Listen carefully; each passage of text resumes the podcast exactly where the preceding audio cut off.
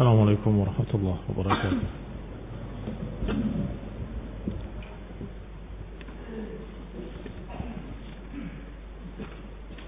إن الحمد لله نحمده ونستعينه ونستغفره ونعوذ بالله من شرور أنفسنا ومن سيئات أعمالنا من يهده الله فلا مضل له ومن يضلل فلا هادي له وأشهد أن لا إله إلا الله وحده لا شريك له وأشهد أن محمدا عبده ورسوله صلى الله عليه وعلى آله وأصحابه والتابعين وتابع التابعين ومن تبعهم بإحسان إلى يوم الدين.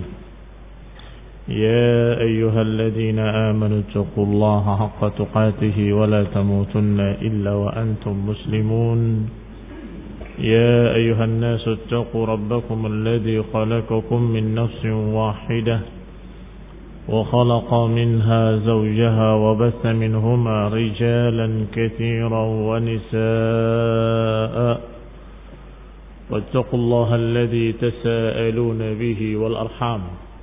إن الله كان عليكم رقيبا. يا أيها الذين آمنوا اتقوا الله وقولوا قولا سديدا. يصلح لكم أعمالكم ويغفر لكم ذنوبكم ومن يطع الله ورسوله فقد فاز فوزا عظيما. أما بعد فإن خير الحديث كتاب الله. وخير الهدي هدي محمد صلى الله عليه وعلى آله وسلم وشر الأمور محدثاتها فإن كل محدثة بدعة وكل بدعة ضلالة وكل ضلالة في النار. إخواني في الدين أعزكم الله مسلمين سهرمتي. قال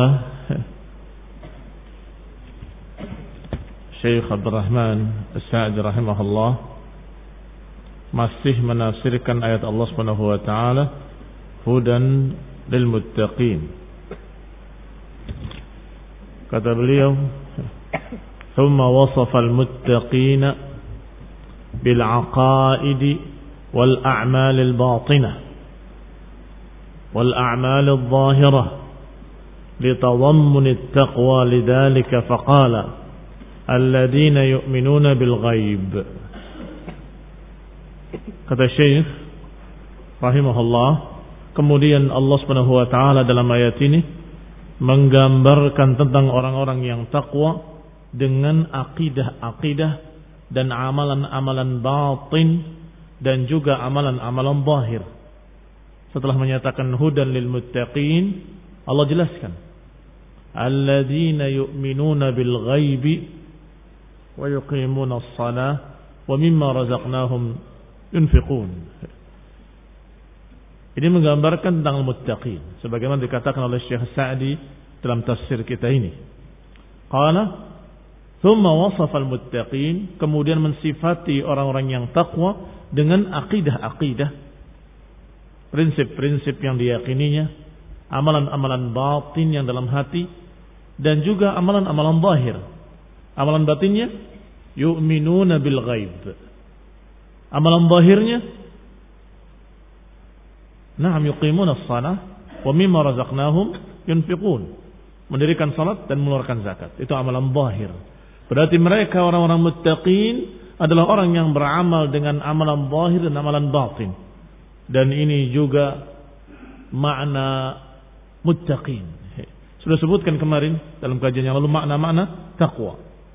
Bahkan di antaranya disebutkan la yablugh darajat taqwa, enggak akan sampai derajat ketakwaan sampai seseorang meninggalkan sesuatu yang tidak apa-apa karena takut ada apa-apa, karena kehati-hatiannya. Karena tetapi ini bukan hadis yang marfu, bukan hadis yang sahih pada Nabi SAW. Hanya saja para ulama sering menyebutkan kalimat-kalimat seperti itu. Dan itu derajat wara, derajat kehati-hatian. Tetapi kalau mereka-mereka yang meninggalkan perkara-perkara yang tidak apa-apa karena takut ada apa-apa, tetapi kemudian mengharuskan orang lain harus begitu, maka akhirnya memberatkan. Karena perkara yang tidak apa-apa adalah perkara yang mubah. Maka perkara yang mubah biarkan sebagai mubah. Kalau engkau ingin berhati-hati untuk dirimu sendiri. Kalau engkau ingin berhati-hati, silakan untuk dirimu sendiri. Jangan sampai orang lain diajarkan harus begini, harus begitu, padahal hanya kehati-hatian dirinya saja. Sebagaimana apa yang disebutkan oleh beberapa tokoh-tokoh alil bid'ah, kaum sufi, termasuk tokoh Tariqat Hasafiyah, Hasan al-Banna. Memaksakan pengikutnya nggak boleh minum kopi, nggak boleh minum teh. Dia perkara yang halal. Gak ada satu ulama pun yang menyatakan haram. Kalau kamu hati-hati, untuk dirimu saja. Adapun pendapat para ulama yang lain bahwa al-muttaqin di dalam ayat ini adalah yang dijelaskan dalam ayat berikutnya. Yaitu alladzina yu'minuna bil ghaibi wa yuqimuna as-salah wa mimma razaqnahum yunfiqun. Yaitu orang yang beriman kepada yang gaib dan orang-orang yang dalam keadaan mendirikan salat dan mengeluarkan zakat. Litadammun taqwa lidzalik karena memang ketakwaan mengandung dua unsur, zahir dan batin. Kalau zahir saja batinnya tidak, itu sifat nifak, kemunafikan.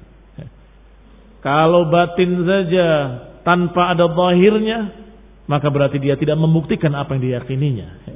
Sehingga taqwa yatadamman mencakup zahir dan batinnya.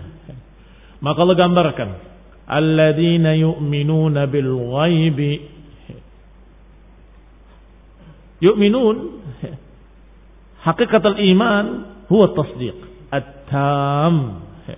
Mana iman adalah membenarkan.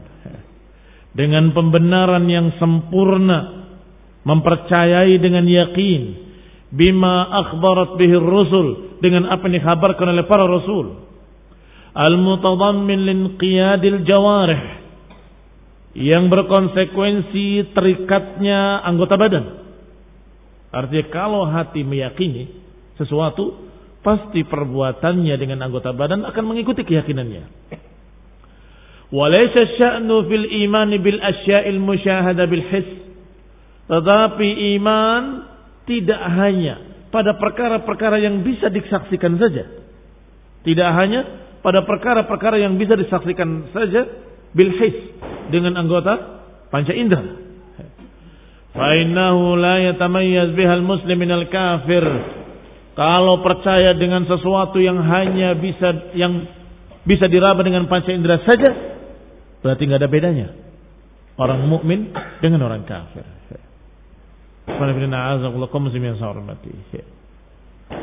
Disebutkan oleh Syekh rahimahullah bahwa yang namanya iman tidak hanya mengimani yang bisa diraba. Tidak hanya mengimani yang bisa dilihat. Tidak hanya mengimani yang bisa diketahui dengan panca indera. Tetapi yang namanya iman mengimani pula berita-berita gaib yang tidak bisa diraba dengan panca indera. Kalau iman itu hanya beriman, hanya percaya pada apa-apa yang zahir bisa diraba dengan panca indera, maka nggak ada beda antara mukmin dengan kafir. Apa bedanya? Orang kafir juga sama. Nggak percaya, nggak percaya ketika dibuktikan di hadapan matanya, wah ternyata benar. Nggak percaya, nggak percaya. Ketika dia bisa memegangnya dengan tangannya, oh ternyata benar. Orang-orang kafir tidak percaya kecuali kalau mereka bisa membuktikannya dengan panca indera mereka. Maka itu percaya pada yang zahir saja. Adapun muttaqin yu'minuna bil ghaib. Mereka beriman kepada hal-hal yang gaib yang tidak bisa diraba dengan panca indera tetapi hanya membenarkan apa kata Allah, apa kata Rasul.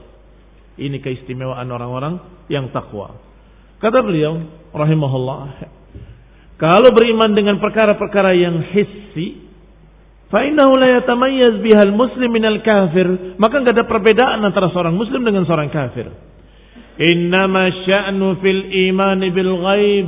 Tetapi urusan yang membedakan antara mukmin dengan kafir adalah iman bil ghaib. Iman dengan perkara-perkara yang gaib. Alladhi lam narahu wa lam nushahidhu. Yang kita tidak melihatnya atau belum melihatnya dan kita belum menyaksikannya. Wa innama nu'min bihi, tetapi kita beriman dengannya.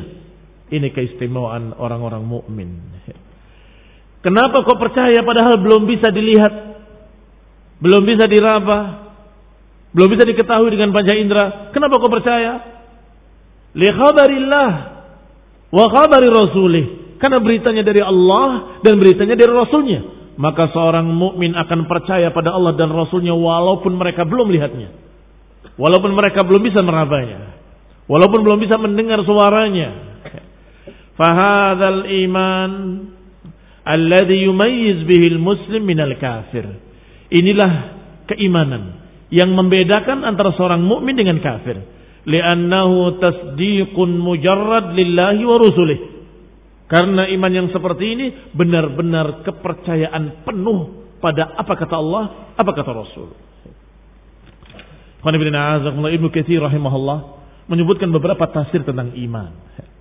Adapun iman secara lughah, secara bahasa memang maknanya percaya. Maknanya percaya. Al-iman fil lughah yutlaq ala tasdiqil mahd. Secara bahasa, iman maknanya percaya. Sebagaimana disebutkan dalam beberapa ayat dalam Al-Qur'an seperti kisahnya uh, ikhwatu Yusuf, saudara-saudara Nabi Yusuf yang menyatakan pada bapaknya bahwa Yusuf dimakan serigala. Apa kata mereka?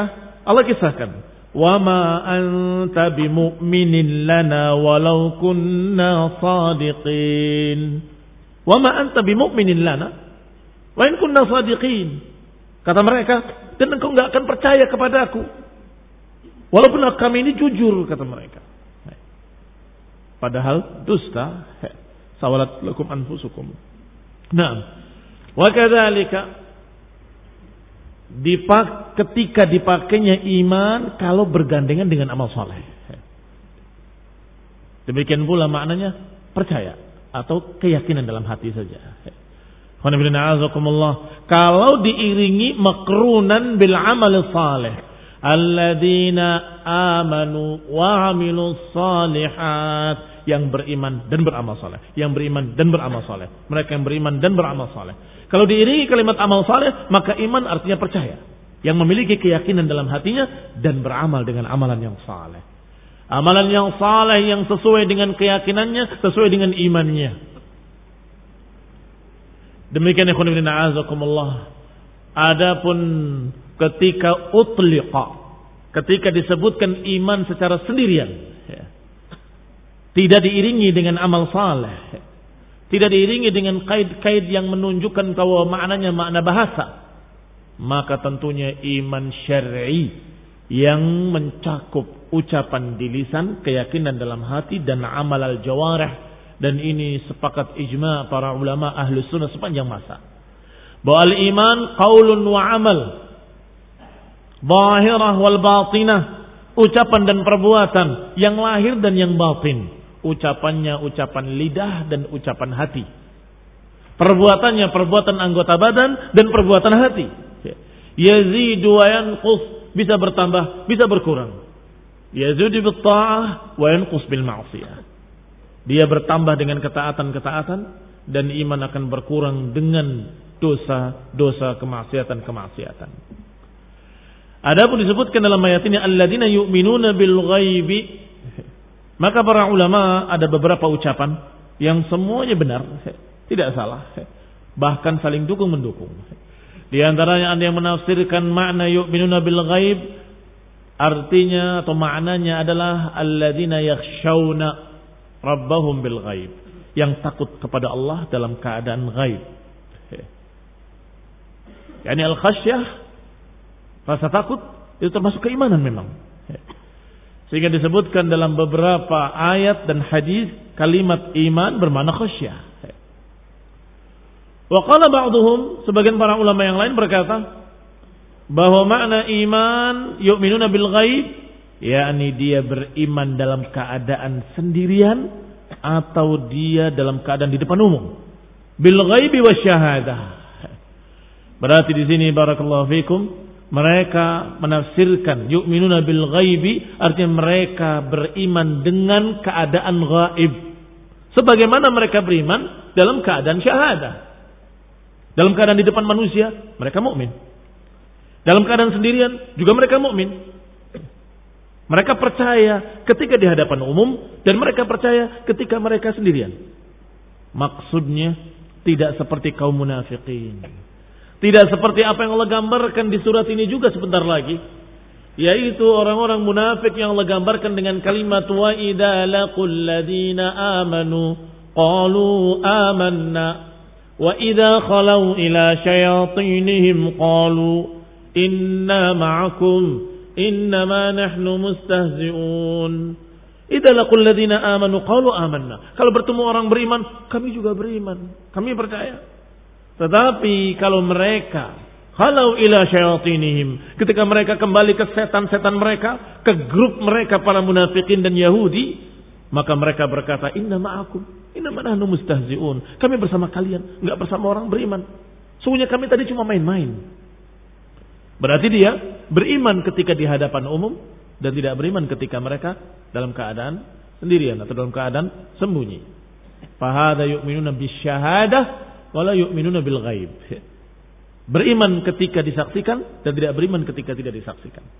Barakallahu fikum. Ini qaulun. Ini juga pendapat dari para mufassirun.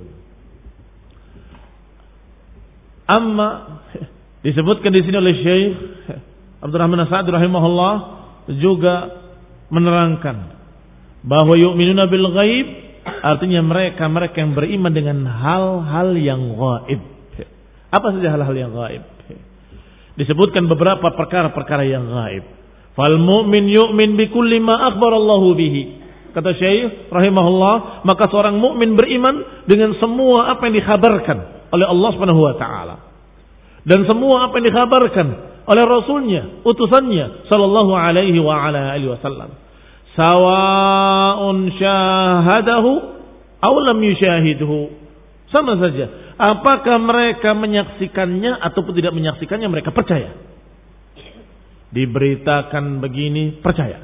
Ternyata terjadi dan diberitakan satu berita lagi, percaya walaupun belum terjadi. Alhamdulillah, sayyiban nafi'a. Sayyiban nafi'a. Wa sawa'un fahimahu aqluhu aw lam yahtadi ilaihi aqluhu wa fahmuhu. Sama saja. Apakah sudah bisa dia pahami dengan akalnya dan pemahamannya atau dia tidak memahami dengan akalnya dan pemahamannya, tetap percaya. Ini al-muttaqin, alladzina yu'minuna bil ghaib, yaitu yang beriman kepada hal-hal yang gaib yang dikhabarkan oleh Allah dalam Al-Qur'an dan dikhabarkan oleh Rasulnya sallallahu alaihi dalam hadis-hadis yang sahih. Sawaun sama saja. Apakah akalnya bisa memahami atau tidak bisa memahami? Kadang ada beberapa perkara yang mudah dipahami oleh akal. Oh ya jelas. Masuk akal kalau begini. Tapi ada perkara-perkara yang akal belum bisa memahaminya. Nanti kata Nabi. Di akhir zaman batu akan bicara, pohon akan bicara. Ya mukmin, ya muslim. Hada Yahudi, uktulhu. Ini Yahudi di belakangku. Bunuh dia. Ketika Yahudi sembunyi di pohon, pohonnya berbicara. Ini Yahudi di belakangku, bunuh dia. Kalau sembunyi di balik batu, batunya berbicara. Baik. Seorang mukmin yu'minuna bil ghaib.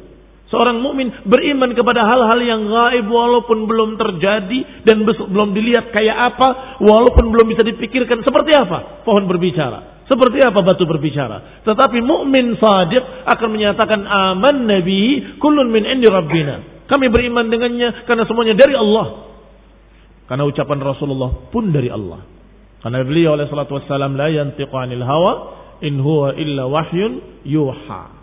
Maka kata beliau, kata Syekh Sa'di rahimahullah, sawa'un syahadahu am lam yushahidhu. Sama saja apakah sudah menyaksikannya ataupun belum menyaksikannya.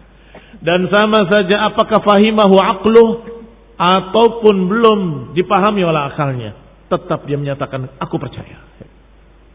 Bahwa batu pohon akan berbicara nanti ya di akhir zaman. Bikhilafi zanadiqah Berbeda dengan keadaan para zindiq. Wal mukadzibin dan para pendusta yang mendustakan agama dan mendustakan ayat-ayat dan hadis-hadis, mendustakan al-umur al-ghaibiyah. Tidak percaya kepada perkara-perkara yang gaib. Pada umur al-ghaibiyah.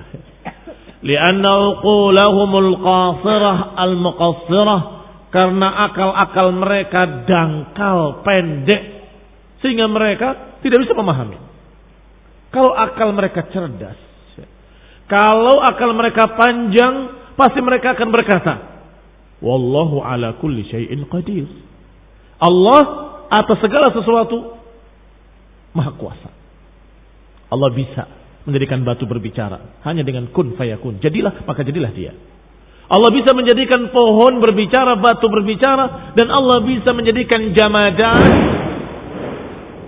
Subhanallah. Subhanallah. Subhanalladzi yusabbihu ar-ra'du bihamdih. Subhanalladzi yusabbihu ar-ra'du bihamdih. Allahumma la taqnal bi'adzabik. Qul ibn a'azakumullah.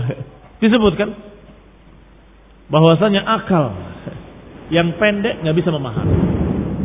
Adapun akal yang panjang yang cerdas akan berpikir dengan cerdas. Kalau Allah yang menghendaki, kalau Allah yang menakdirkan, bagi Allah mudah. Masa batu bisa bicara? Ya kalau kamu menjadikan batu berbicara nggak bisa. Tetapi kalau Allah menjadikannya berbicara, bagi Allah mudah. Karena lihat, musyrikin yang akal-akalnya pendek, menentang ucapan Rasulullah SAW yang semalam ke Baitul Maqdis. Kata mereka bagaimana mungkin ke Baitul Maqdis dalam waktu semalam? Mustahil, nggak masuk akal, nggak bisa diterima. Ini dusta, ini demikian demikian kata musyrikin. Tetapi ketika musyrikin datang kepada Abu Bakar, maunya menggoyahkan iman beliau. Ya bagil khair, karena Abu Bakar dijuluki dengan bagi al khair. Dengarkan temanmu itu mengucapkan ucapan yang tidak masuk akal. Dia menyatakan bahwa dia semalam ke Baitul Maqdis. Kata Abu Bakar, aku percaya kepadanya. Walaupun lebih daripada itu.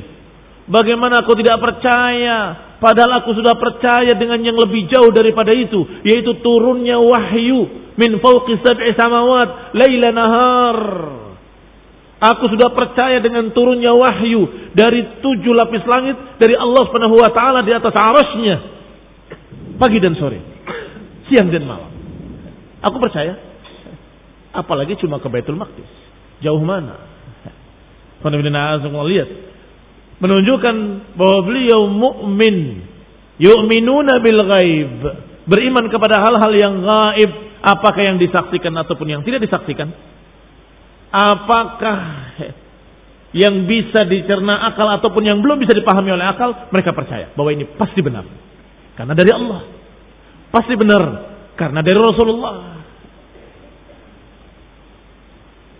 Akhirnya mereka-mereka yang akalnya pendek lupa dengan kekuasaan Allah Subhanahu wa taala, kadzabu bima lam yuhitu bi'ilmihi Akhirnya mereka mendustakan apa-apa yang mereka tidak mampu untuk memahaminya.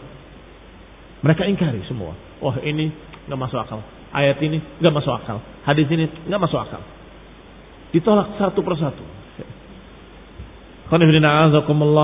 Berarti mereka tidak beriman kepada hal-hal yang gaib. Dan mereka tidak beriman pada Allah dan Rasulnya. Karena beritanya dari Allah dan Rasulnya. Mana iman artinya tasdik membenarkan, kami percaya. Barakallahu fikum. Maknanya percaya tentunya kalau Allah beritakan satu berita, wajib percaya. Kalau Rasulullah SAW memberitakan berita-berita, maka wajib diterima, wajib dipercaya. Itu namanya iman. Adapun mereka-mereka kaum zindiq zanadiqah mereka tidak mau percaya dengan apa yang mereka tidak bisa pahami dengan akal-akal mereka. Fafasadat uquluhum wa marajat ahlamuhum. Akhirnya akal-akal mereka rusak. Dan kemudian khayalan-khayalan mereka yang laku yang diterima oleh mereka. Wa zakat uquluhumul mu'minin al-musaddiqin al-muhtadin bihudallah adapun akal-akalnya orang beriman akal-akalnya orang yang beriman pada Allah terjaga. Zakat artinya suci terlindungi. Karena mereka muhtadin bihudallah karena mereka terbimbing dengan hidayah dari Allah Subhanahu wa taala. Wa yadkhul fil iman bil ghaibi. Dan masuk di dalam iman kepada yang gaib adalah iman bi jami'i ma akhbar Allah bihi min al ghuyub al madiyah wal mustaqbalah termasuk iman kepada yang gaib adalah iman kepada seluruh apa yang diberitakan oleh Allah Subhanahu wa taala yang merupakan hal-hal yang gaib, hal-hal yang tidak bisa kita ketahui dengan panca indera. Apakah yang madiyah yang sudah lewat ataupun yang mustakbalah yang akan datang. Itu termasuk iman pada gaib. Beriman kepada kisah-kisah para anbiya. Apakah kalian lihat? Tidak lihat. Apakah kalian pernah bertemu? Enggak bertemu. Apakah kalian pernah dengar suara mereka ketika berdakwah, ketika berbicara? Tidak. Kok percaya? Karena beritanya diberitakan oleh Allah Subhanahu wa taala dalam Al-Qur'an. Berita para anbiya. Demikian pula yang lebih jauh lagi berita penciptaan langit dan bumi. Kita percaya. Kenapa? Karena beritanya dalam Al-Quran. Panca indera kita tidak tidak tahu, tidak bisa merabanya, nggak bisa mengetahuinya. Tetapi beritanya ada dalam Quran. Walau menciptakannya dalam enam hari. Aman Nabi kulun min inda rabbina. Demikian pula penciptaan Adam alaihi salam. Dan perintah Allah kepada para malaikatnya untuk sujud pada Adam. Dan kemudian membangkangnya iblis. Tidak mau sujud pada Adam. Itu juga berita-berita gaib. Yang madiyah yang telah lalu. Demikian pula hal-hal gaib yang mustakbalah yang akan datang. Di masa-masa mendatang. Seperti kejadian yaumul qiyamah dan juga yang berkait dengannya dari tanda-tanda hari kiamat akan terjadi begini, akan terjadi begini, akan terjadi begini. Sinfani min ahli nar lam arahuma. Dua golongan dari ahli neraka yang aku belum pernah melihat melihatnya. Artinya akan muncul nanti. Rijalun ma'hum siyat ka'adnabil baqar yadribuna bihan nas. Satu golongan laki-laki yang memegang lecut cemeti dan memukul manusia dengannya. Dan golongan kedua, nisaun kasiyatun ariyat, ma'ilatun mumilat, ru'usuhunna kasnimatil buktil ma'ilah. Wanita-wanita yang berpakaian tapi telanjang, yang miring dan memiring-miringkan. Yang dikatakan rambutnya kaasnimatil buktil ma'ilah seperti punuk onta yang miring. Kau muslimin yang saya hormati. Waktu dibicarakan oleh Nabi belum terjadi. Tapi para sahabat percaya. Belum terjadi, tapi para sahabat percaya bahwa itu pasti akan terjadi. Walaupun mungkin akal agak susah memahaminya. Ketika itu, pakai pakaian tapi telanjang. Gimana itu? Dua yang bertentangan terjadi sekaligus. Dia pakai pakaian tapi telanjang. Kaifadalik? Ternyata na'udzubillah terjadi di masa kita. Pakai pakaian tapi tembus pandang. Pakai pakaian tapi membentuk tubuhnya. Pakai pakaian di satu tempat, buka pakaian di tempat lain. Atau pakai pakaian tapi sangat minim sekali. Ini semua tafsir yang waqi'i yang terjadi di hadapan kita. Dan masih ada lagi berita yang lebih jauh lagi. Nanti akan terjadi hari kiamat. Digulung oleh Allah langit. Digenggam bumi Allah Subhanahu taala. Kau muslimin yang saya hormati. kita katakan aman nabihi kulun min inda rabbina. Dikhabarkan pula akan terjadi hisab. Akan terjadi hari perhitungan. Timbangan. Ditimbangannya, ditimbangnya amal-amal perbuatan manusia. Dan jangan berkata, bagaimana mungkin amalan perbuatan ditimbang? Bagaimana caranya? Ini namanya akalnya qasirah, akalnya cetek pendek. Akalnya sangat dungu. Dia tidak kenal kekuasaan Allah Subhanahu wa taala. Dia nggak kenal kekuasaan Allah yang ala kulli syai'in qadir, yang atas segala sesuatu maha kuasa, maha bisa. Maka katakan saja pasti akan ditimbang kayak apanya kita nggak tahu dan Allah pasti bisa. Selesai. Ini seorang mukmin beriman pada Allah Subhanahu wa taala. Alladzina yu'minuna bil ghaibi. Wa ahwalil akhirah dan juga berita-berita tentang akhirat, tentang surga, tentang neraka, tentang penduduknya, tentang keindahannya, tentang bagaimana azabnya dalam neraka. Wa haqa'iq awsafillahi wa kaifiyatiha dan juga termasuk beriman pada yang gaib adalah percaya dengan hakikat-hakikat yang disifatkan oleh Allah Subhanahu wa taala. Wa ma akhbarat bihi rusul min dalika dan juga apa yang dikhabarkan oleh Rasulullah SAW tentang sifat-sifat Allah. Ini juga hal-hal gaib. Allah kabarkan dirinya dengan sekian macam sifat-sifat dalam Al-Quran. Dan Allah kenalkan dirinya dengan sekian nama-nama. Maka kita beriman dengan semua sifat-sifat Allah ala haqiqatiha. Sesuai dengan hakikat maknanya yang zahir dalam ayat tersebut. Dengan meyakini bahwa tidak mungkin sama dengan makhluknya. Dan termasuk juga sifat-sifat yang digambarkan oleh Rasulullah sallallahu alaihi wasallam.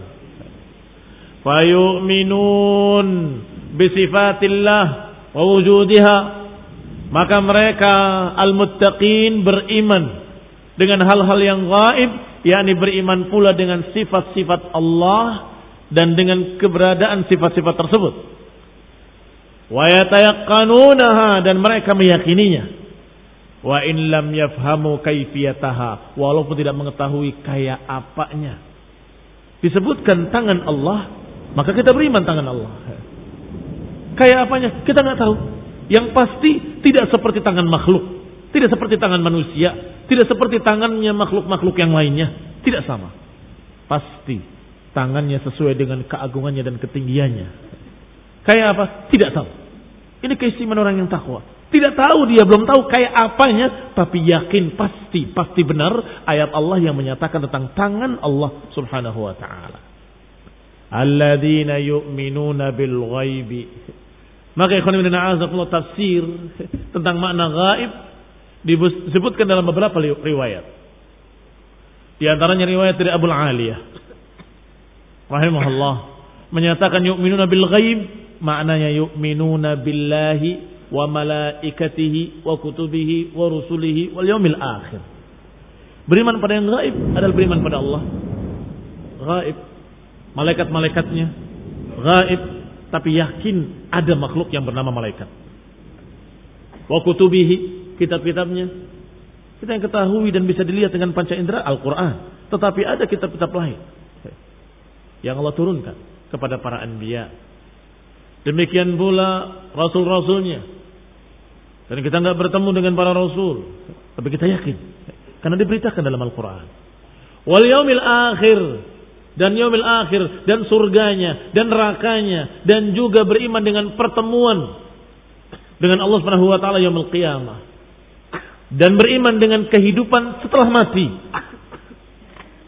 Beriman dengan kebangkitan. Ini kulluhu ghaib hadi ghaibun kulluh kata Abu Aliyah itu semua hal gaib berarti yu'minu bil ghaib mencakup beriman pada semua itu tadi ya. Riwayat lain dari Ibnu Mas'ud radhiyallahu taala anhu. Kata Ibnu Mas'ud, "Ammal ghaib fama ghaba 'anil nas." Adapun yang gaib adalah apa yang ghab 'anil ibad, apa yang tidak diketahui oleh panca indera para hamba. Semuanya gaib. Berarti mencakup semua yang disebutkan tadi. Tidak bertentangan. Min amril jannati wa amrin nari wa madakara fil Quran. Kata Ibn Mas'ud, semua yang tidak bisa dilihat dan tidak bisa diketahui oleh panca indera manusia dari surga, neraka dan semua apa yang dikabarkan dalam Al-Quran. Yang ketiga ucapan Ibn Abbas radhiyallahu taala anhu. Bil ghaib maknanya bima jaa minhu. Beriman pada yang gaib adalah dengan semua apa yang diberitakan oleh Allah Subhanahu wa taala. Yang keempat ucapan Sufyan ats-Tsauri rahimahullah. Qala bil ghaib ay al-Qur'an. Beriman pada yang gaib adalah pada Al-Quran. Maknanya apa yang ada dalam Quran semuanya. Wa qala Atha ibn Abi Rabah dan berkata Atha ibn Abi Rabah berarti yang kelima. Bahwa beriman dengan yang gaib Aiman amana billahi faqad amana bil ghaib. Siapa yang beriman pada Allah berarti dia beriman pada yang gaib. Wa qala Zaid bin Aslam. Zaid bin Aslam rahimahullah. Alladzina yu'minuna bil ghaib qala bil qadari. Beriman kepada yang gaib adalah beriman kepada takdir. Karena takdir juga gaib. Kita beriman bahwa semua ditakdirkan oleh Allah Subhanahu wa taala. Dalam keadaan kita nggak tahu takdir-takdir bagaimana. Si fulan bagaimana takdirnya? Kita bagaimana takdirnya? Kita nggak tahu. Maka kita hanya berupaya, berupaya, berupaya, berusaha, berusaha, berusaha. Tapi kita yakin semua yang terjadi adalah dengan takdir Allah Subhanahu wa taala. Kok bisa? Bisa bagi Allah. Kita berupaya, bisa memilih, tetapi yang kita pilih mesti yang ditakdirkan oleh Allah. Kalau tidak ditakdirkan, gak akan terjadi dan pasti gagal. Barakallahu fiikum dan ini beriman pada takdir juga iman bil ghaib. Fakullu hadhihi mutaqaribah. Kata Ibnu Katsir setelah menyebutkan semua itu, maka beliau berkata, hadhihi mutaqaribatun fil ma'na. Ucapan-ucapan tadi semuanya berdekatan maknanya. Lianna jami'al madkurat minal ghaib. Karena semua yang disebut oleh beliau-beliau tadi rahimahumullah semuanya merupakan hal-hal yang gaib alladhi yajibul imanu bihi yang kita diperintahkan dengan wajib untuk percaya kepadanya. Ada tafsir lain yang diriwayatkan bahwasanya ketika para sahabat bersama Rasulullah SAW salah seorang mereka bertanya, ya Rasulullah, apakah ada manusia yang lebih baik dari kita? Kita beriman padamu, berjihad bersamamu, berjuang bersamamu. Kata Nabi, apa yang menghalangimu? Karena engkau berada di sisi Rasulullah. Dan Rasulullah ada di tengah kalian. Tetapi yang lebih baik dari kalian adalah mereka-mereka yang tidak bertemu dengan aku. Tetapi beriman kepadaku. Ini juga salah satu tafsir. Yu'minuna bil ghaibi. Artinya beriman dengan Rasul. Padahal dia tidak bertemu Rasul SAW. Ini keutamaan orang-orang yang belakangan. Para sahabat memiliki keutamaan yang sangat banyak. Tapi keutamaan orang-orang yang belakangan adalah mereka beriman kepada Nabi dalam keadaan tidak melihat Nabi, tidak bertemu Nabi. Dan ini imanu bil ghaib. Dan tidak ada keimanan yang lebih tinggi daripada keimanan bil ghaib. Iman yang paling tinggi adalah iman bil ghaib. Barakallahu fikum. Wa